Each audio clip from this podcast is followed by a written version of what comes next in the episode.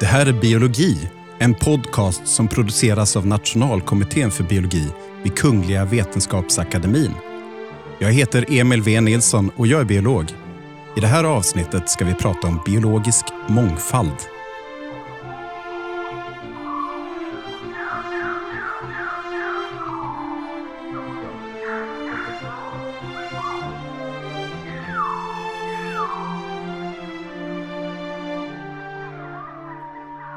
Jag tänker lite så här.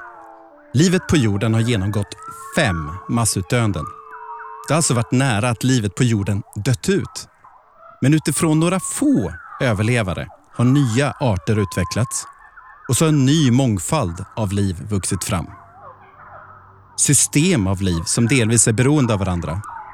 Så som vi människor är beroende av andra arter genom maten vi äter, luften vi andas och vattnet vi dricker. Än så länge har vi inte lyckats göra mat av sten. Än så länge klarar vi oss inte utan syre. Än så länge behöver vi rent vatten för att överleva. Nu är vi inne i ett sjätte massutdöende. Arter försvinner från jordens yta i en takt som är i paritet med tidigare massutdöenden. Och nej, än så länge är inte klimatkollapsen den främsta orsaken. Det är vi människor på ett mer direkt sätt. Men än har livet på jorden inte kollapsat, eller hur? Så vad är egentligen biologisk mångfald och hur är mångfalden viktig för livet på jorden? Jag sitter här med biologerna Emma Kritzberg och Ola Olsson från Lunds universitet. Tillsammans ska vi försöka reda ut det här med biologisk mångfald. Men först vore det trevligt om ni kunde berätta lite om er själva. Emma, hur berör din forskning biologisk mångfald? Ja, eh, jag är sötens, sötvattensbiolog i grund och botten och jag jobbar med mikroorganismer i stor utsträckning. Framförallt är jag intresserad av biogeokemiska flöden, alltså eh, till exempel kolets kretslopp som är helt eh, fundamentalt för regleringen av vårt eh, klimatsystem.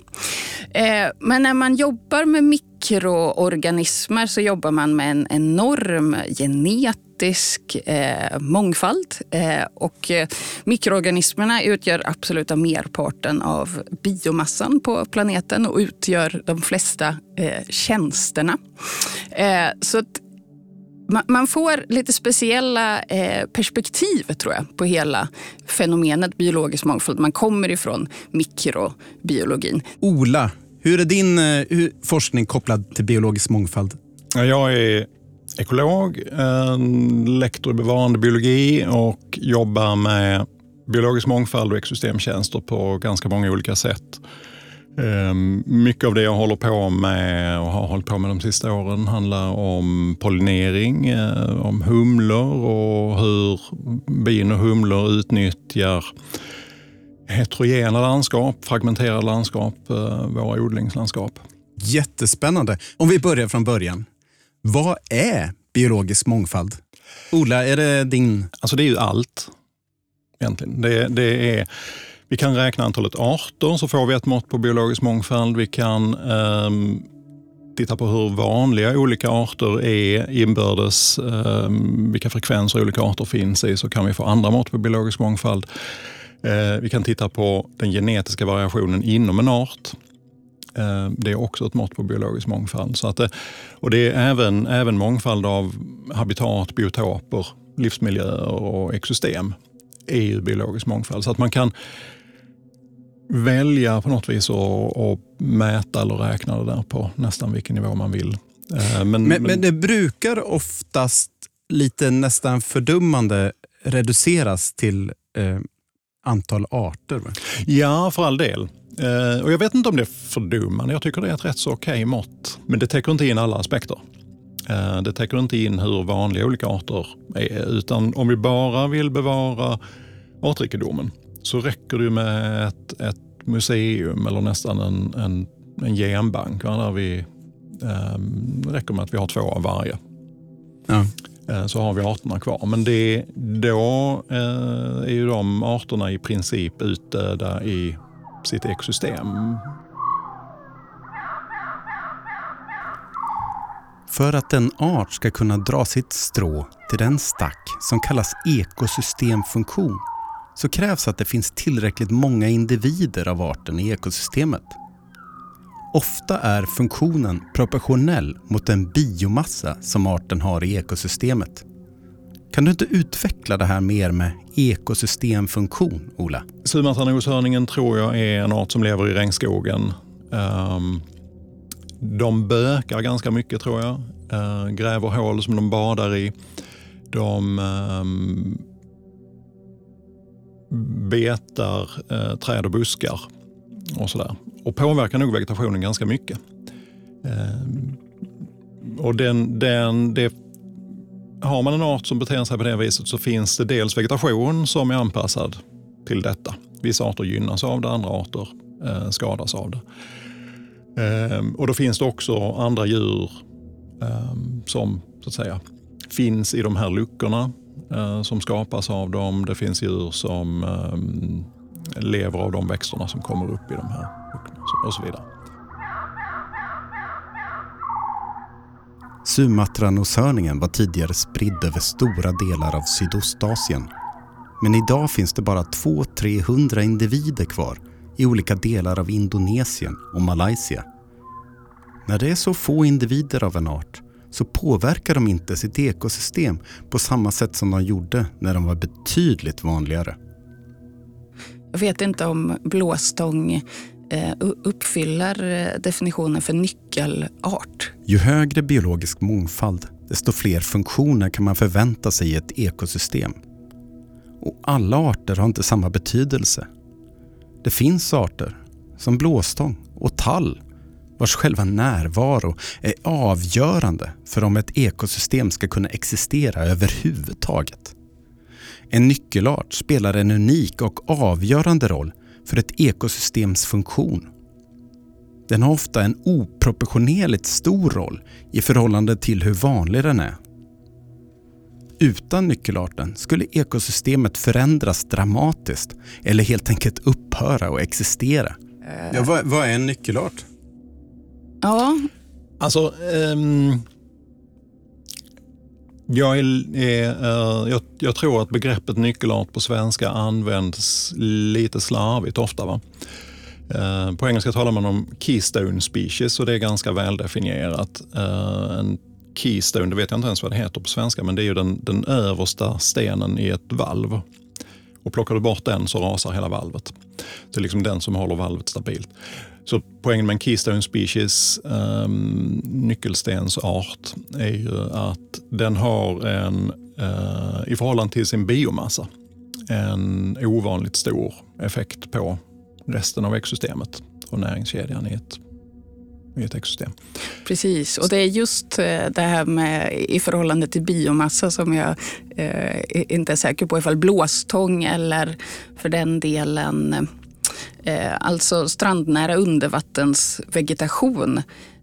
De har en exceptionellt viktig roll. De skapar ett helt eh, ekosystem. De är ett ekosystem.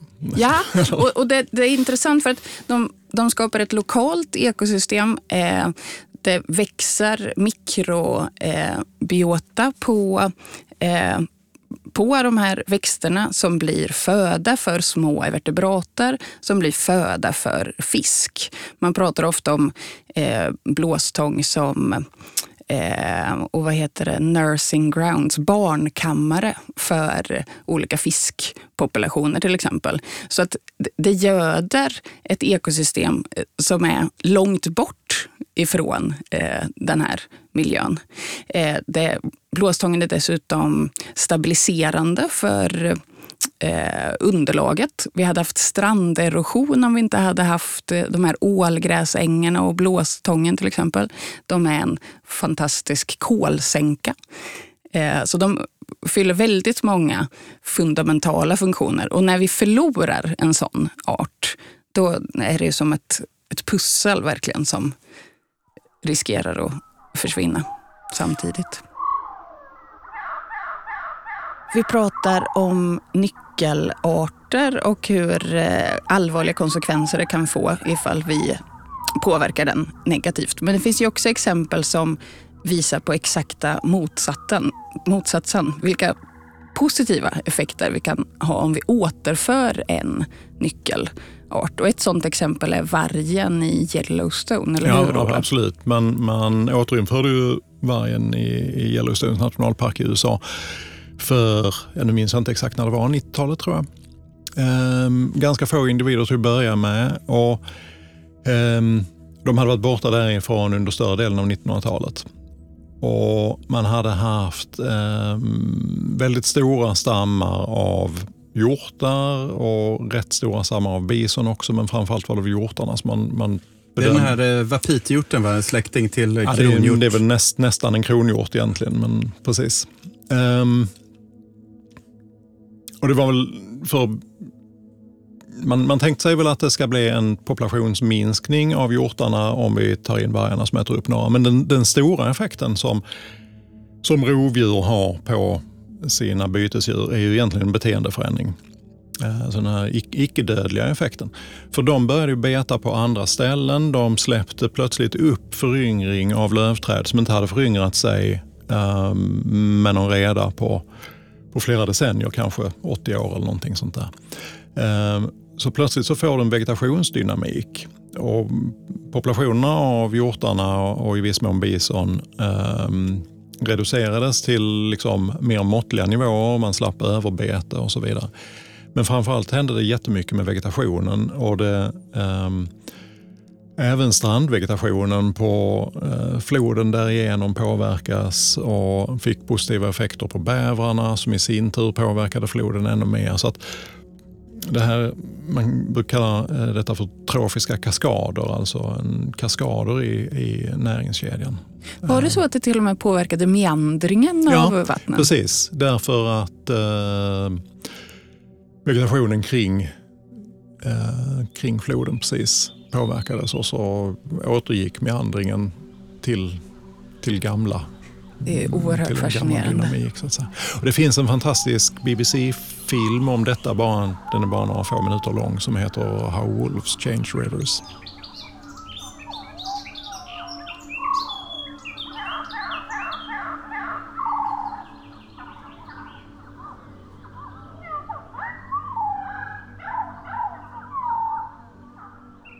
Hur är det då eh, med de här ekosystemen? Finns det olika ekosystem som är olika liksom, starka eller tål yttre påverkan olika mycket? Och vad skulle det i så fall spela?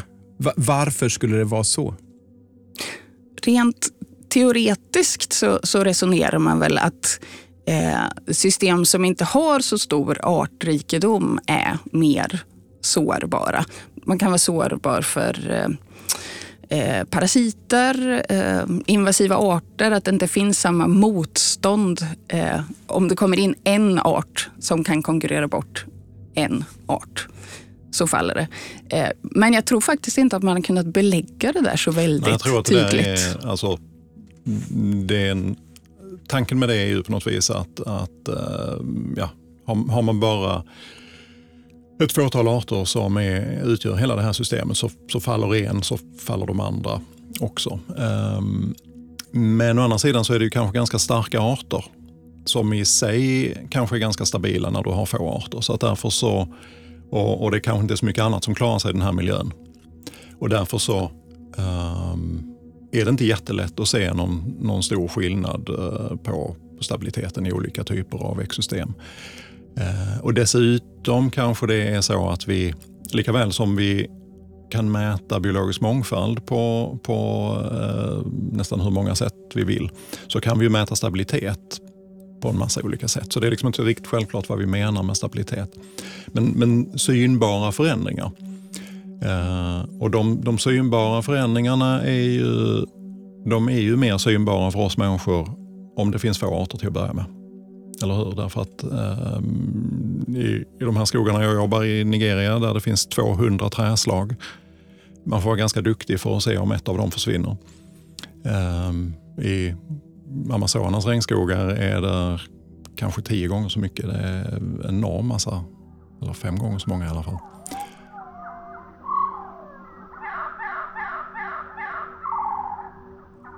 Om vi skulle gå över till varför den biologiska mångfalden behövs. Vad skulle ni svara då?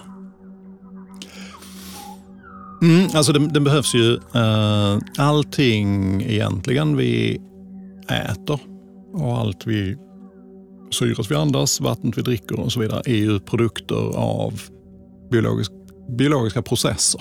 Och Det är ju tokigt lätt att glömma bort det Mm. egentligen i vardagen. Mm.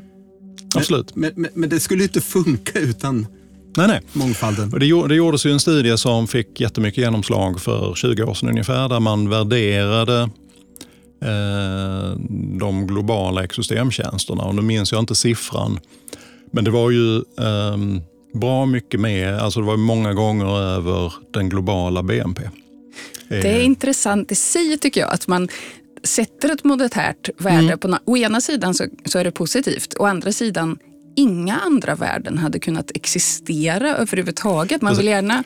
Så därför så är det dessutom, jag skulle vilja säga, alltså det, det, det är ett par olika problem med den, den studien. Det ena är att det är totalvärdet istället för marginalvärdet. Alltså det är inte värdet av att förlora en art, det vet du ingenting om. Utan det där är om vi skulle ta bort alltihopa. Så det, det är totalvärdet. Och som ett totalvärde så måste det vara en komplett underskattning därför att så vitt jag kan begripa så är totalvärdet oändligt. Ehm, därför att inget, inget hade ju funnits om vi inte hade haft en biologisk Utan liv, inget liv. Nej. Liksom. Eh, Ungefär så. Truism. Va? Precis. Ja.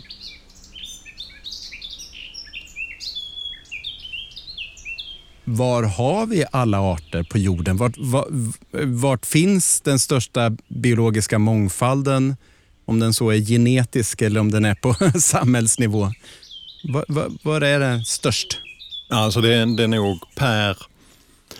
eh, Eller, så, så länge vi håller oss ovan jord och eh, i landmiljöer så är det ju utan vidare i, i regnskogarna.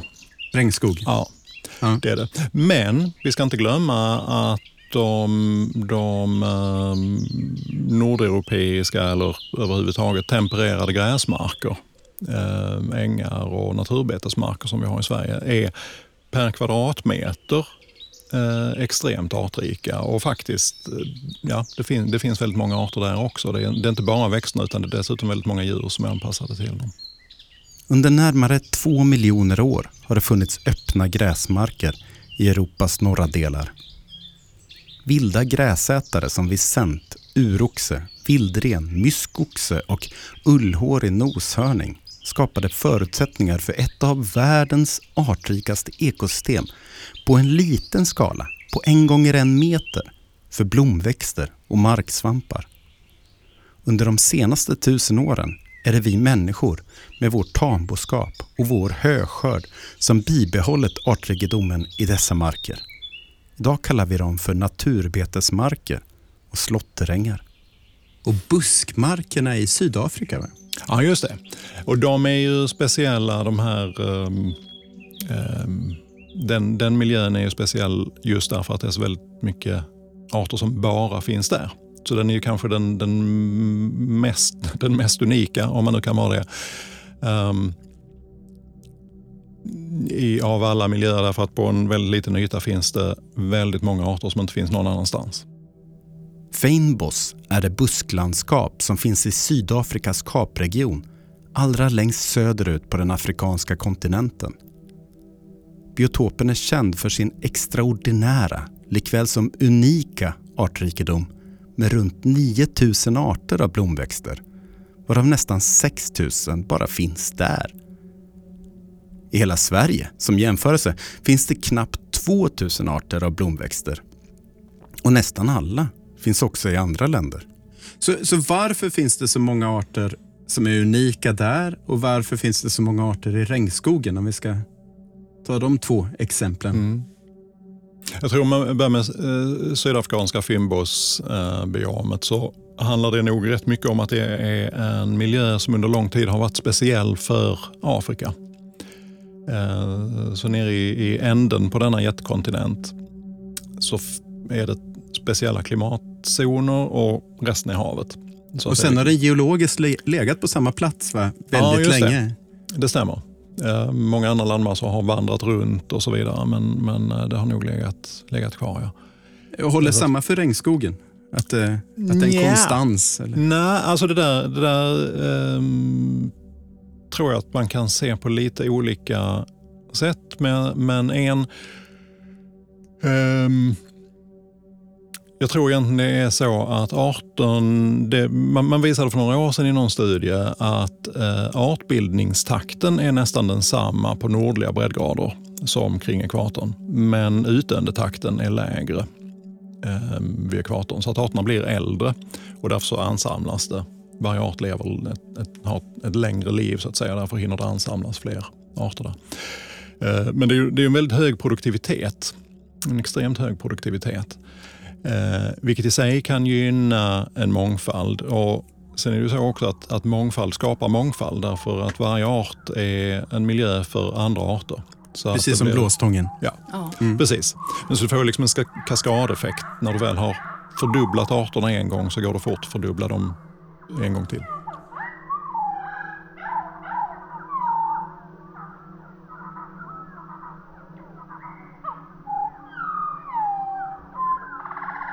Nu pratar vi om arter här generellt, men vad är det då för arter? Vart, I vilka organismgrupper finns det flest arter? Skalbaggar. Skalbaggar. Mm. Det är det enkla svaret, tror jag. Det, det är Eh, sådär att om det kommer aliens till jorden och tittar vilka är det som bor här, då är det. Ja, det är skal- mest skalbaggar. Mm. Om, om vi räknar antalet arter så tror jag det. Ja. Ehm, det är en fantastisk massa skalbaggar. Eh, lite grann handlar det om att vi är så dåliga på att artbestämma nematoder.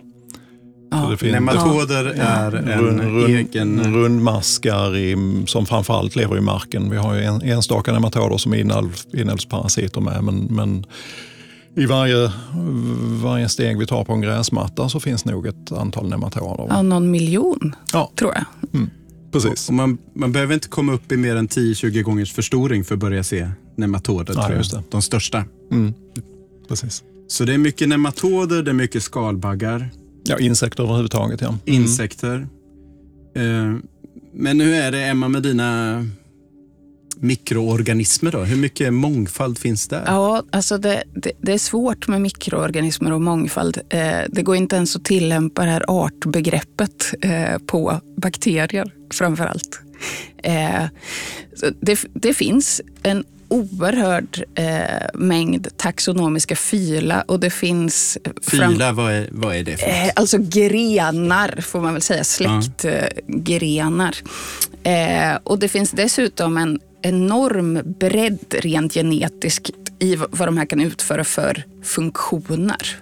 Eh, och och man är eh, eh, rabiat mikrobiolog, då kan man liksom hävda att eh, växter och djur, de upprätthåller inte speciellt många funktioner ur ett biogeokemiskt perspektiv.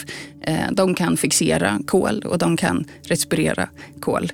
Medan mikroorganismer kan fixera kväve, de kan reducera svavel.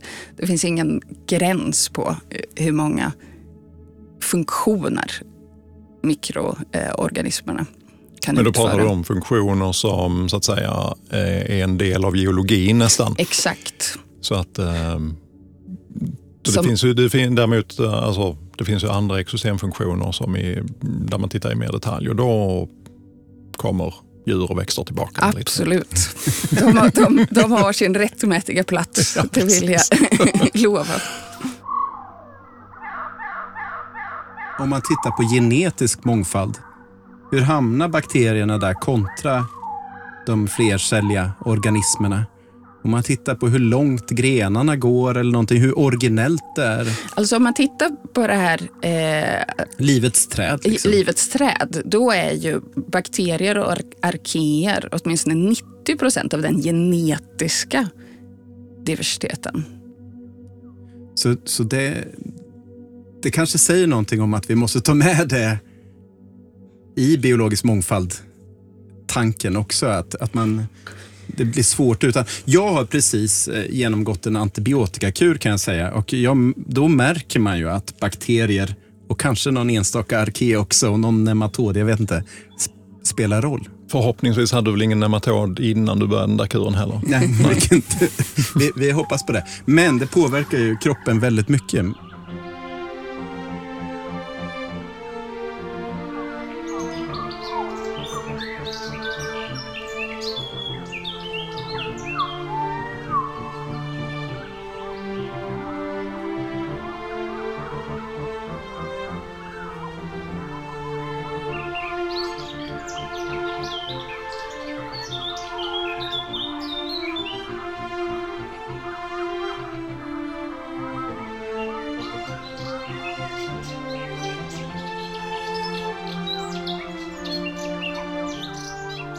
Men det, du sa ekosystemtjänst. Det är Ja. ju ett begrepp som dyker upp eh, i sådana här diskussioner. Vad betyder det? Mm, en ekosystemtjänst är um, någonting som naturen producerar som människan har nytta av. Så att en ekosystemtjänst, kallar vi det en ekosystemtjänst så är det något som är nyttigt för människor. Och det skiljer det från ekosystemfunktion som vi pratade lite om tidigare. Som helt enkelt är hur saker och ting fungerar i, i naturen. Ja. Mm. Eh, Så pollinering till exempel. Eh, En, en ehm, humla som pollinerar en blåklocka är en ekosystemfunktion. För utan den kan inte blåklockan reproducera sig. Men det är inte en ekosystemtjänst. Därför vi har inte någon konkret nytta av Um, eller så får du får definiera det på ett ganska speciellt sätt för att kalla det en ekosystemtjänst. Men det är inte typiskt en ekosystemtjänst. Men däremot när humla, samma humla pollinerar ett äppleträd i någons trädgård, då blir det en ekosystemtjänst. Visst finns det också eh, en, en kategori, en underkategori av ekosystemtjänst som hänger ihop med upplevelse? Alltså det, det, det kan du absolut. Allting som, som, du, som vi som människor så att säga sätter något värde på kan vi ju klassa som en ekosystemtjänst. Och, och, um, en del vill ju reducera värdet av biologisk mångfald till den upplevelsen. Det är det som är värdet av biologisk mångfald. Jo visst, det finns fågelskådare och, och man tycker det är trevligt om man ser lite blommor. Så. Och all, allt sånt här går ju att sätta det går att sätta monetära värden på saker och ting, men teknikerna för att göra det är inte jättebra, skulle jag nog våga påstå. Jag är inte ekonom, jag har samarbetat med ekonomer eh, och jag vet att de själva inte är särskilt nöjda med metoderna för det mesta. Ehm, och det, det, alltså vissa saker, till exempel produktionen av eh, raps eller äpple eller så vidare, det är ju det är produk- produkter på marknaden som har ett pris och vi kan eh, därmed uppskatta värdet av pollineringen av dem. Å andra sidan, hade vi inte haft några pollinatörer som pollinerade rapsen, då kunde man ju odla vete istället. Det är ju inte så att åkrarna hade stått tomma. Va? Så det är egentligen den mellanskillnaden som är eh, Kostnaden. kostnaden av att förlora pollineringen av rapsen. Men sen måste man väl kunna prata om ekosystemtjänst utan att sätta ett eh, värde på det. Alltså, vi behöver ju pollinering oavsett hur vi värderar det. Ja, alltså du, du kan ju kalla det en tjänst utan att veta hur stort värdet är. Ja. Men på något vis så, så själv, i själva begreppet av definitionen ekosystemtjänst så är det att det är någonting som är för människan. Ja. ja, det stämmer. Och varför har man gjort det här? Då? Varför räcker det inte med ekosystemfunktion? Mm, för att eh, jag tror att man, ursprunget till att man, man börjar tala om ekosystemtjänster är nog egentligen att man ville lyfta värdet av biologisk mångfald. Eh, så att säga, och göra, det, det är ett väldigt, finns något väldigt pedagogiskt i detta. Att, eh, I och med att vi faktiskt har tydliga, alltså, totalt sett så beror vi helt och hållet av biologisk mångfald. Eh, och för att visa de länkarna så är det pedagogiskt att ta, tala om ekosystemtjänsterna. Men sen kan man kanske, eh, när man har kommit varvet runt så att säga, så verkar det plötsligt som att biologisk mångfald bara är värdefull om den ger oss något, eh, någonting som vi kan mäta i pengar. Ja, och jag har hört en kritik också att, man, eh, att man kan kompensera då idag. Just det. Så att då kan man exploatera det som gör ekosystemtjänster, kanske pollinering och sen kanske man skapar en annan ekosystemtjänst som kanske är ett fågeltorn Mm. som en kompensation. Mm. Och, och då blir det lite konstigt, Mm.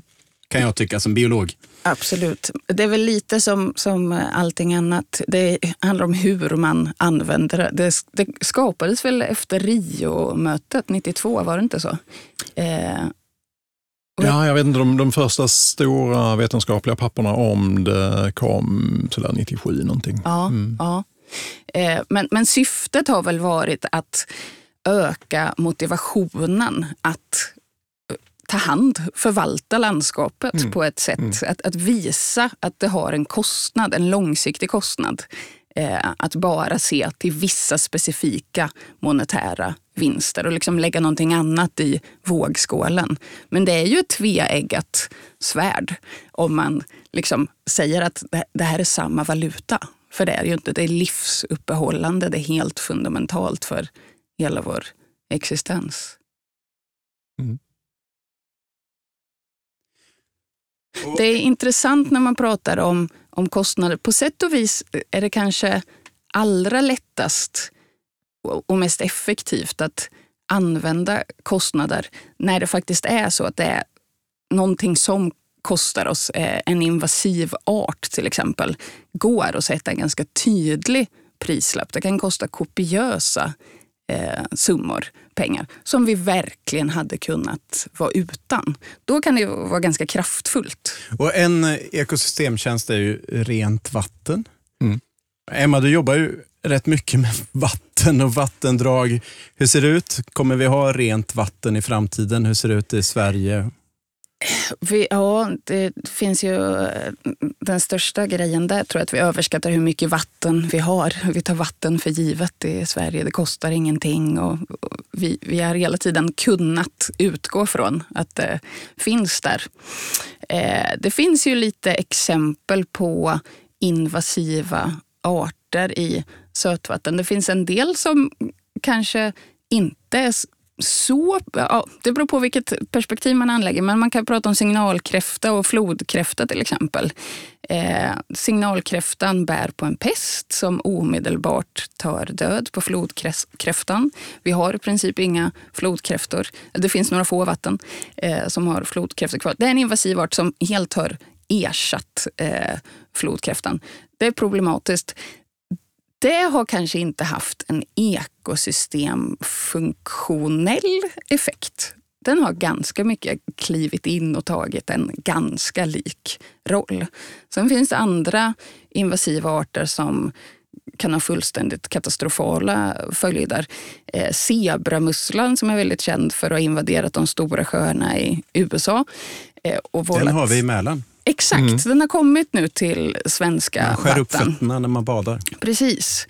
Och låt oss hoppas att den inte etableras på, på samma sätt som den har gjort i de stora sjöarna. Det har ju lett till flera utrotningar av arter i de här sjöarna.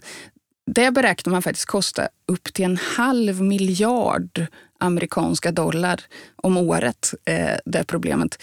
Delvis för att eh, det sätter igen dricksvattenrör det är en enorm underhållningskostnad att hålla efter.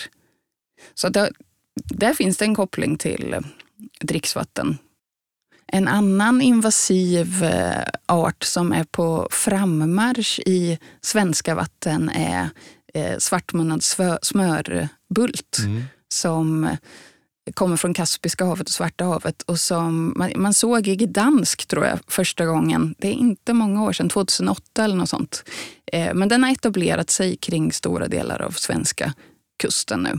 För att den är så konkurrenskraftig. Eh, och till skillnad från nästan alla andra fiskare i Östersjön äter musslor.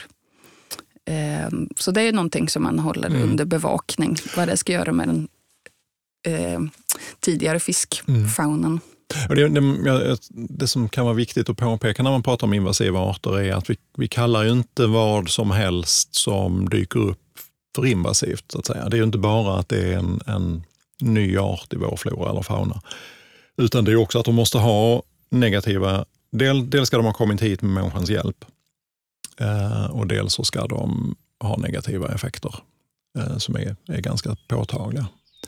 Så att till exempel sydlig gransångare som vi har i hela eh, Sydsverige numera, men som vi inte hade för 25 år sedan, mer än enstaka. Det är ju inte en invasiv art.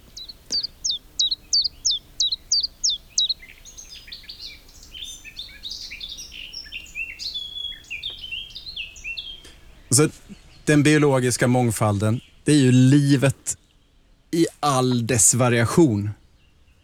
Den är hotad idag. Hur är den biologiska mångfalden hotad idag?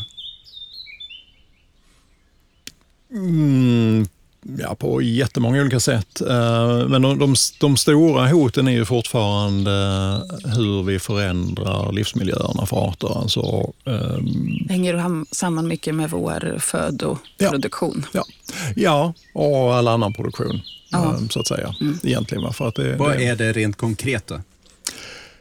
Jordbruk. Jordbruk. Mm. Skogsbruk. Mm. Skogsbruk. Mm. Um. det kan man väl säga. Det, det, det är ju det är de, de stora hoten, det kommer man inte ifrån. Det är det man kallar habitatdegradering eller habitatfragmentering, habitatförstörelse. Precis, habitatförlust. Ja. Eh, Jakt måste ju vara en viktig Ja, faktor. jakt är ju viktigt eh, som ett hot i framförallt i många fattiga länder. Där man eh, har, har dålig tillgång till eh, andra proteinkällor och så vidare. Och så jagar man de vilda djuren som har eh, en oreglerad jakt och djur som inte tål särskilt mycket jakt. Och det, det har ju du forskat på. Hur eh, man jagar primater. Och v- vad blir effekten av det? Eh, ja, för det första så försvinner primaterna då, alltså alla, alla apor, eh, inklusive de stora människoaporna. Eh, de försvinner nästan tvärt när du jagar dem. De, de tål väldigt lite jakt. Och eh, sen är effekten, eh, de här skogarna eh, ser fortfarande bra ut så att säga. Om vi tittar på de, de vuxna träden, därför jakten har inte pågått särskilt länge. Eh, men jämför vi en skog där vi har jakt, där det har bedrivits jakt under ett antal år med en skog där man, man lyckas eh, hindra jakt, så är eh, fröplantorna på marken är helt olika. Så det är nästan bara vindspridda arter som föryngrar sig där det inte längre finns apor. Så kommande trädgeneration kommer se annorlunda ut kommer i se sin annorlunda ut. artsammansättning. precis, annan artsammansättning. Det kommer vara färre, färre resurser till, till aporna i de skogarna så att det blir liksom svårt att vända det där. Eh, färre resurser till människorna som, som faktiskt, för de, de uppger själva då att en viktigare ekosystemfunktion för dem är frukt och nötter än köttet. Eh, så att de, de i den, den bemärkelsen så eh, sågar de av den gren de sitter på. Jo, för sen har man ju också pratat om att eh, eh vi människor och våra tamdjur utgör 90 96 procent av torrvikten av däggdjur på land. Mm. Så att eh, våra tamdjur utgör ungefär två tredjedelar och vi ungefär en tredjedel, lite mindre då. Och så finns det 4 procent kvar tror jag Mm. till, Mm. till resten. Det, det är ju något sånt. Och så har det ju naturligtvis inte sett ut särskilt länge. Nej, jag tror till och med på 50-talet så var siffrorna inte alls lika dramatiska. Nej, framförallt har ju den mänskliga befolkningen har ju ungefär fördubblats under min livstid på f- 50 år ungefär. Mm. Ja, där kom vi in på den där jobbiga frågan. Ja, det är ju jobbigt. Samtidigt så, så eh, jag menar, tror man ska komma ihåg Hans Roslings eh, positiva tongångar kring detta också, nämligen att ökningen har i alla fall brutits. Vi, vi, eh, vi accelererar inte längre. Vi ökar fortfarande, men vi, vi ökar inte lika fort som vi gjorde. För den, den piken var faktiskt redan någon gång, tror jag, på 70-80-talet. En, Ja. en, en annan grej som är kopplad till eh, eh, hur många människor det finns på jorden är klimatförändringen eh, som är kopplad till vårt levnadssätt. Hur stor eh, påverkan har eh, klimatkollapsen på artutdöendet?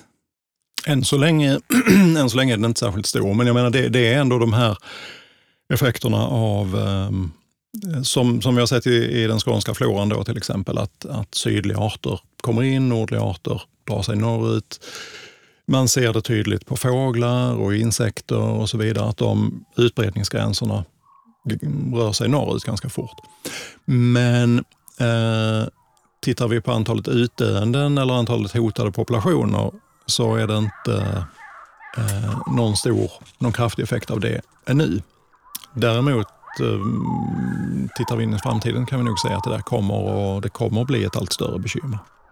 Vi närmar oss vårt eh, slutet på den här diskussionen som har varit väldigt spännande tycker jag. Eh, och en annan så här, reflektion som jag tänker på det är dina bakterier till exempel, Emma. De kan vara jättesnygga. De kan vara jättesnygga. Eh, Ola, har du några favoritorganismer? Så, ur, ur en så här lite känslomässig utgångspunkt.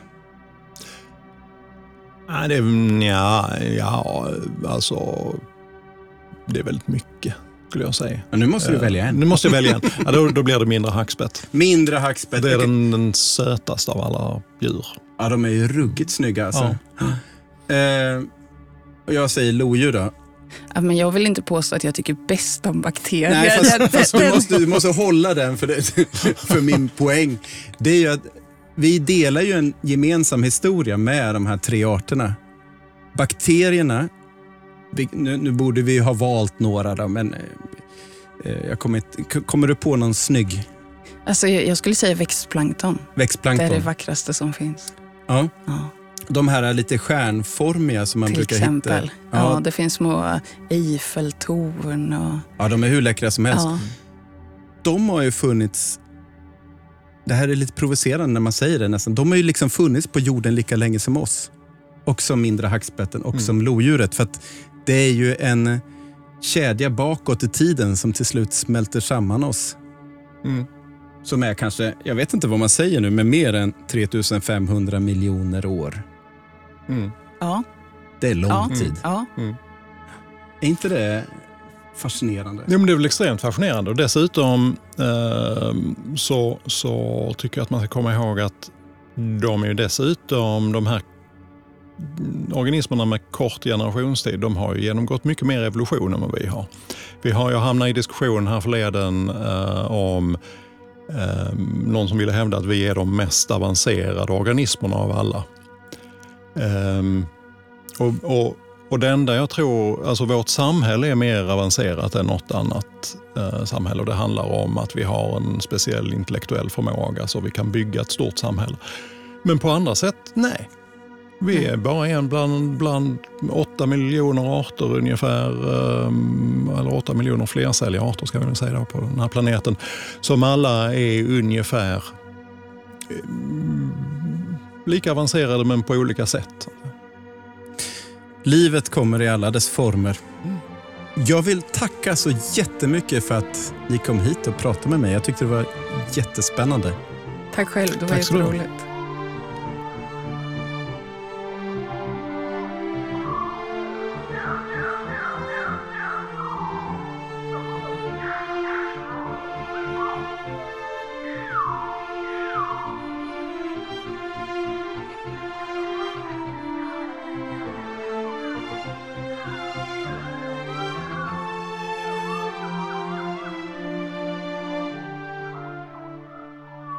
Du har lyssnat på Det här är biologi. En podcast producerad av Nationalkommittén för biologi vid Kungliga Vetenskapsakademin.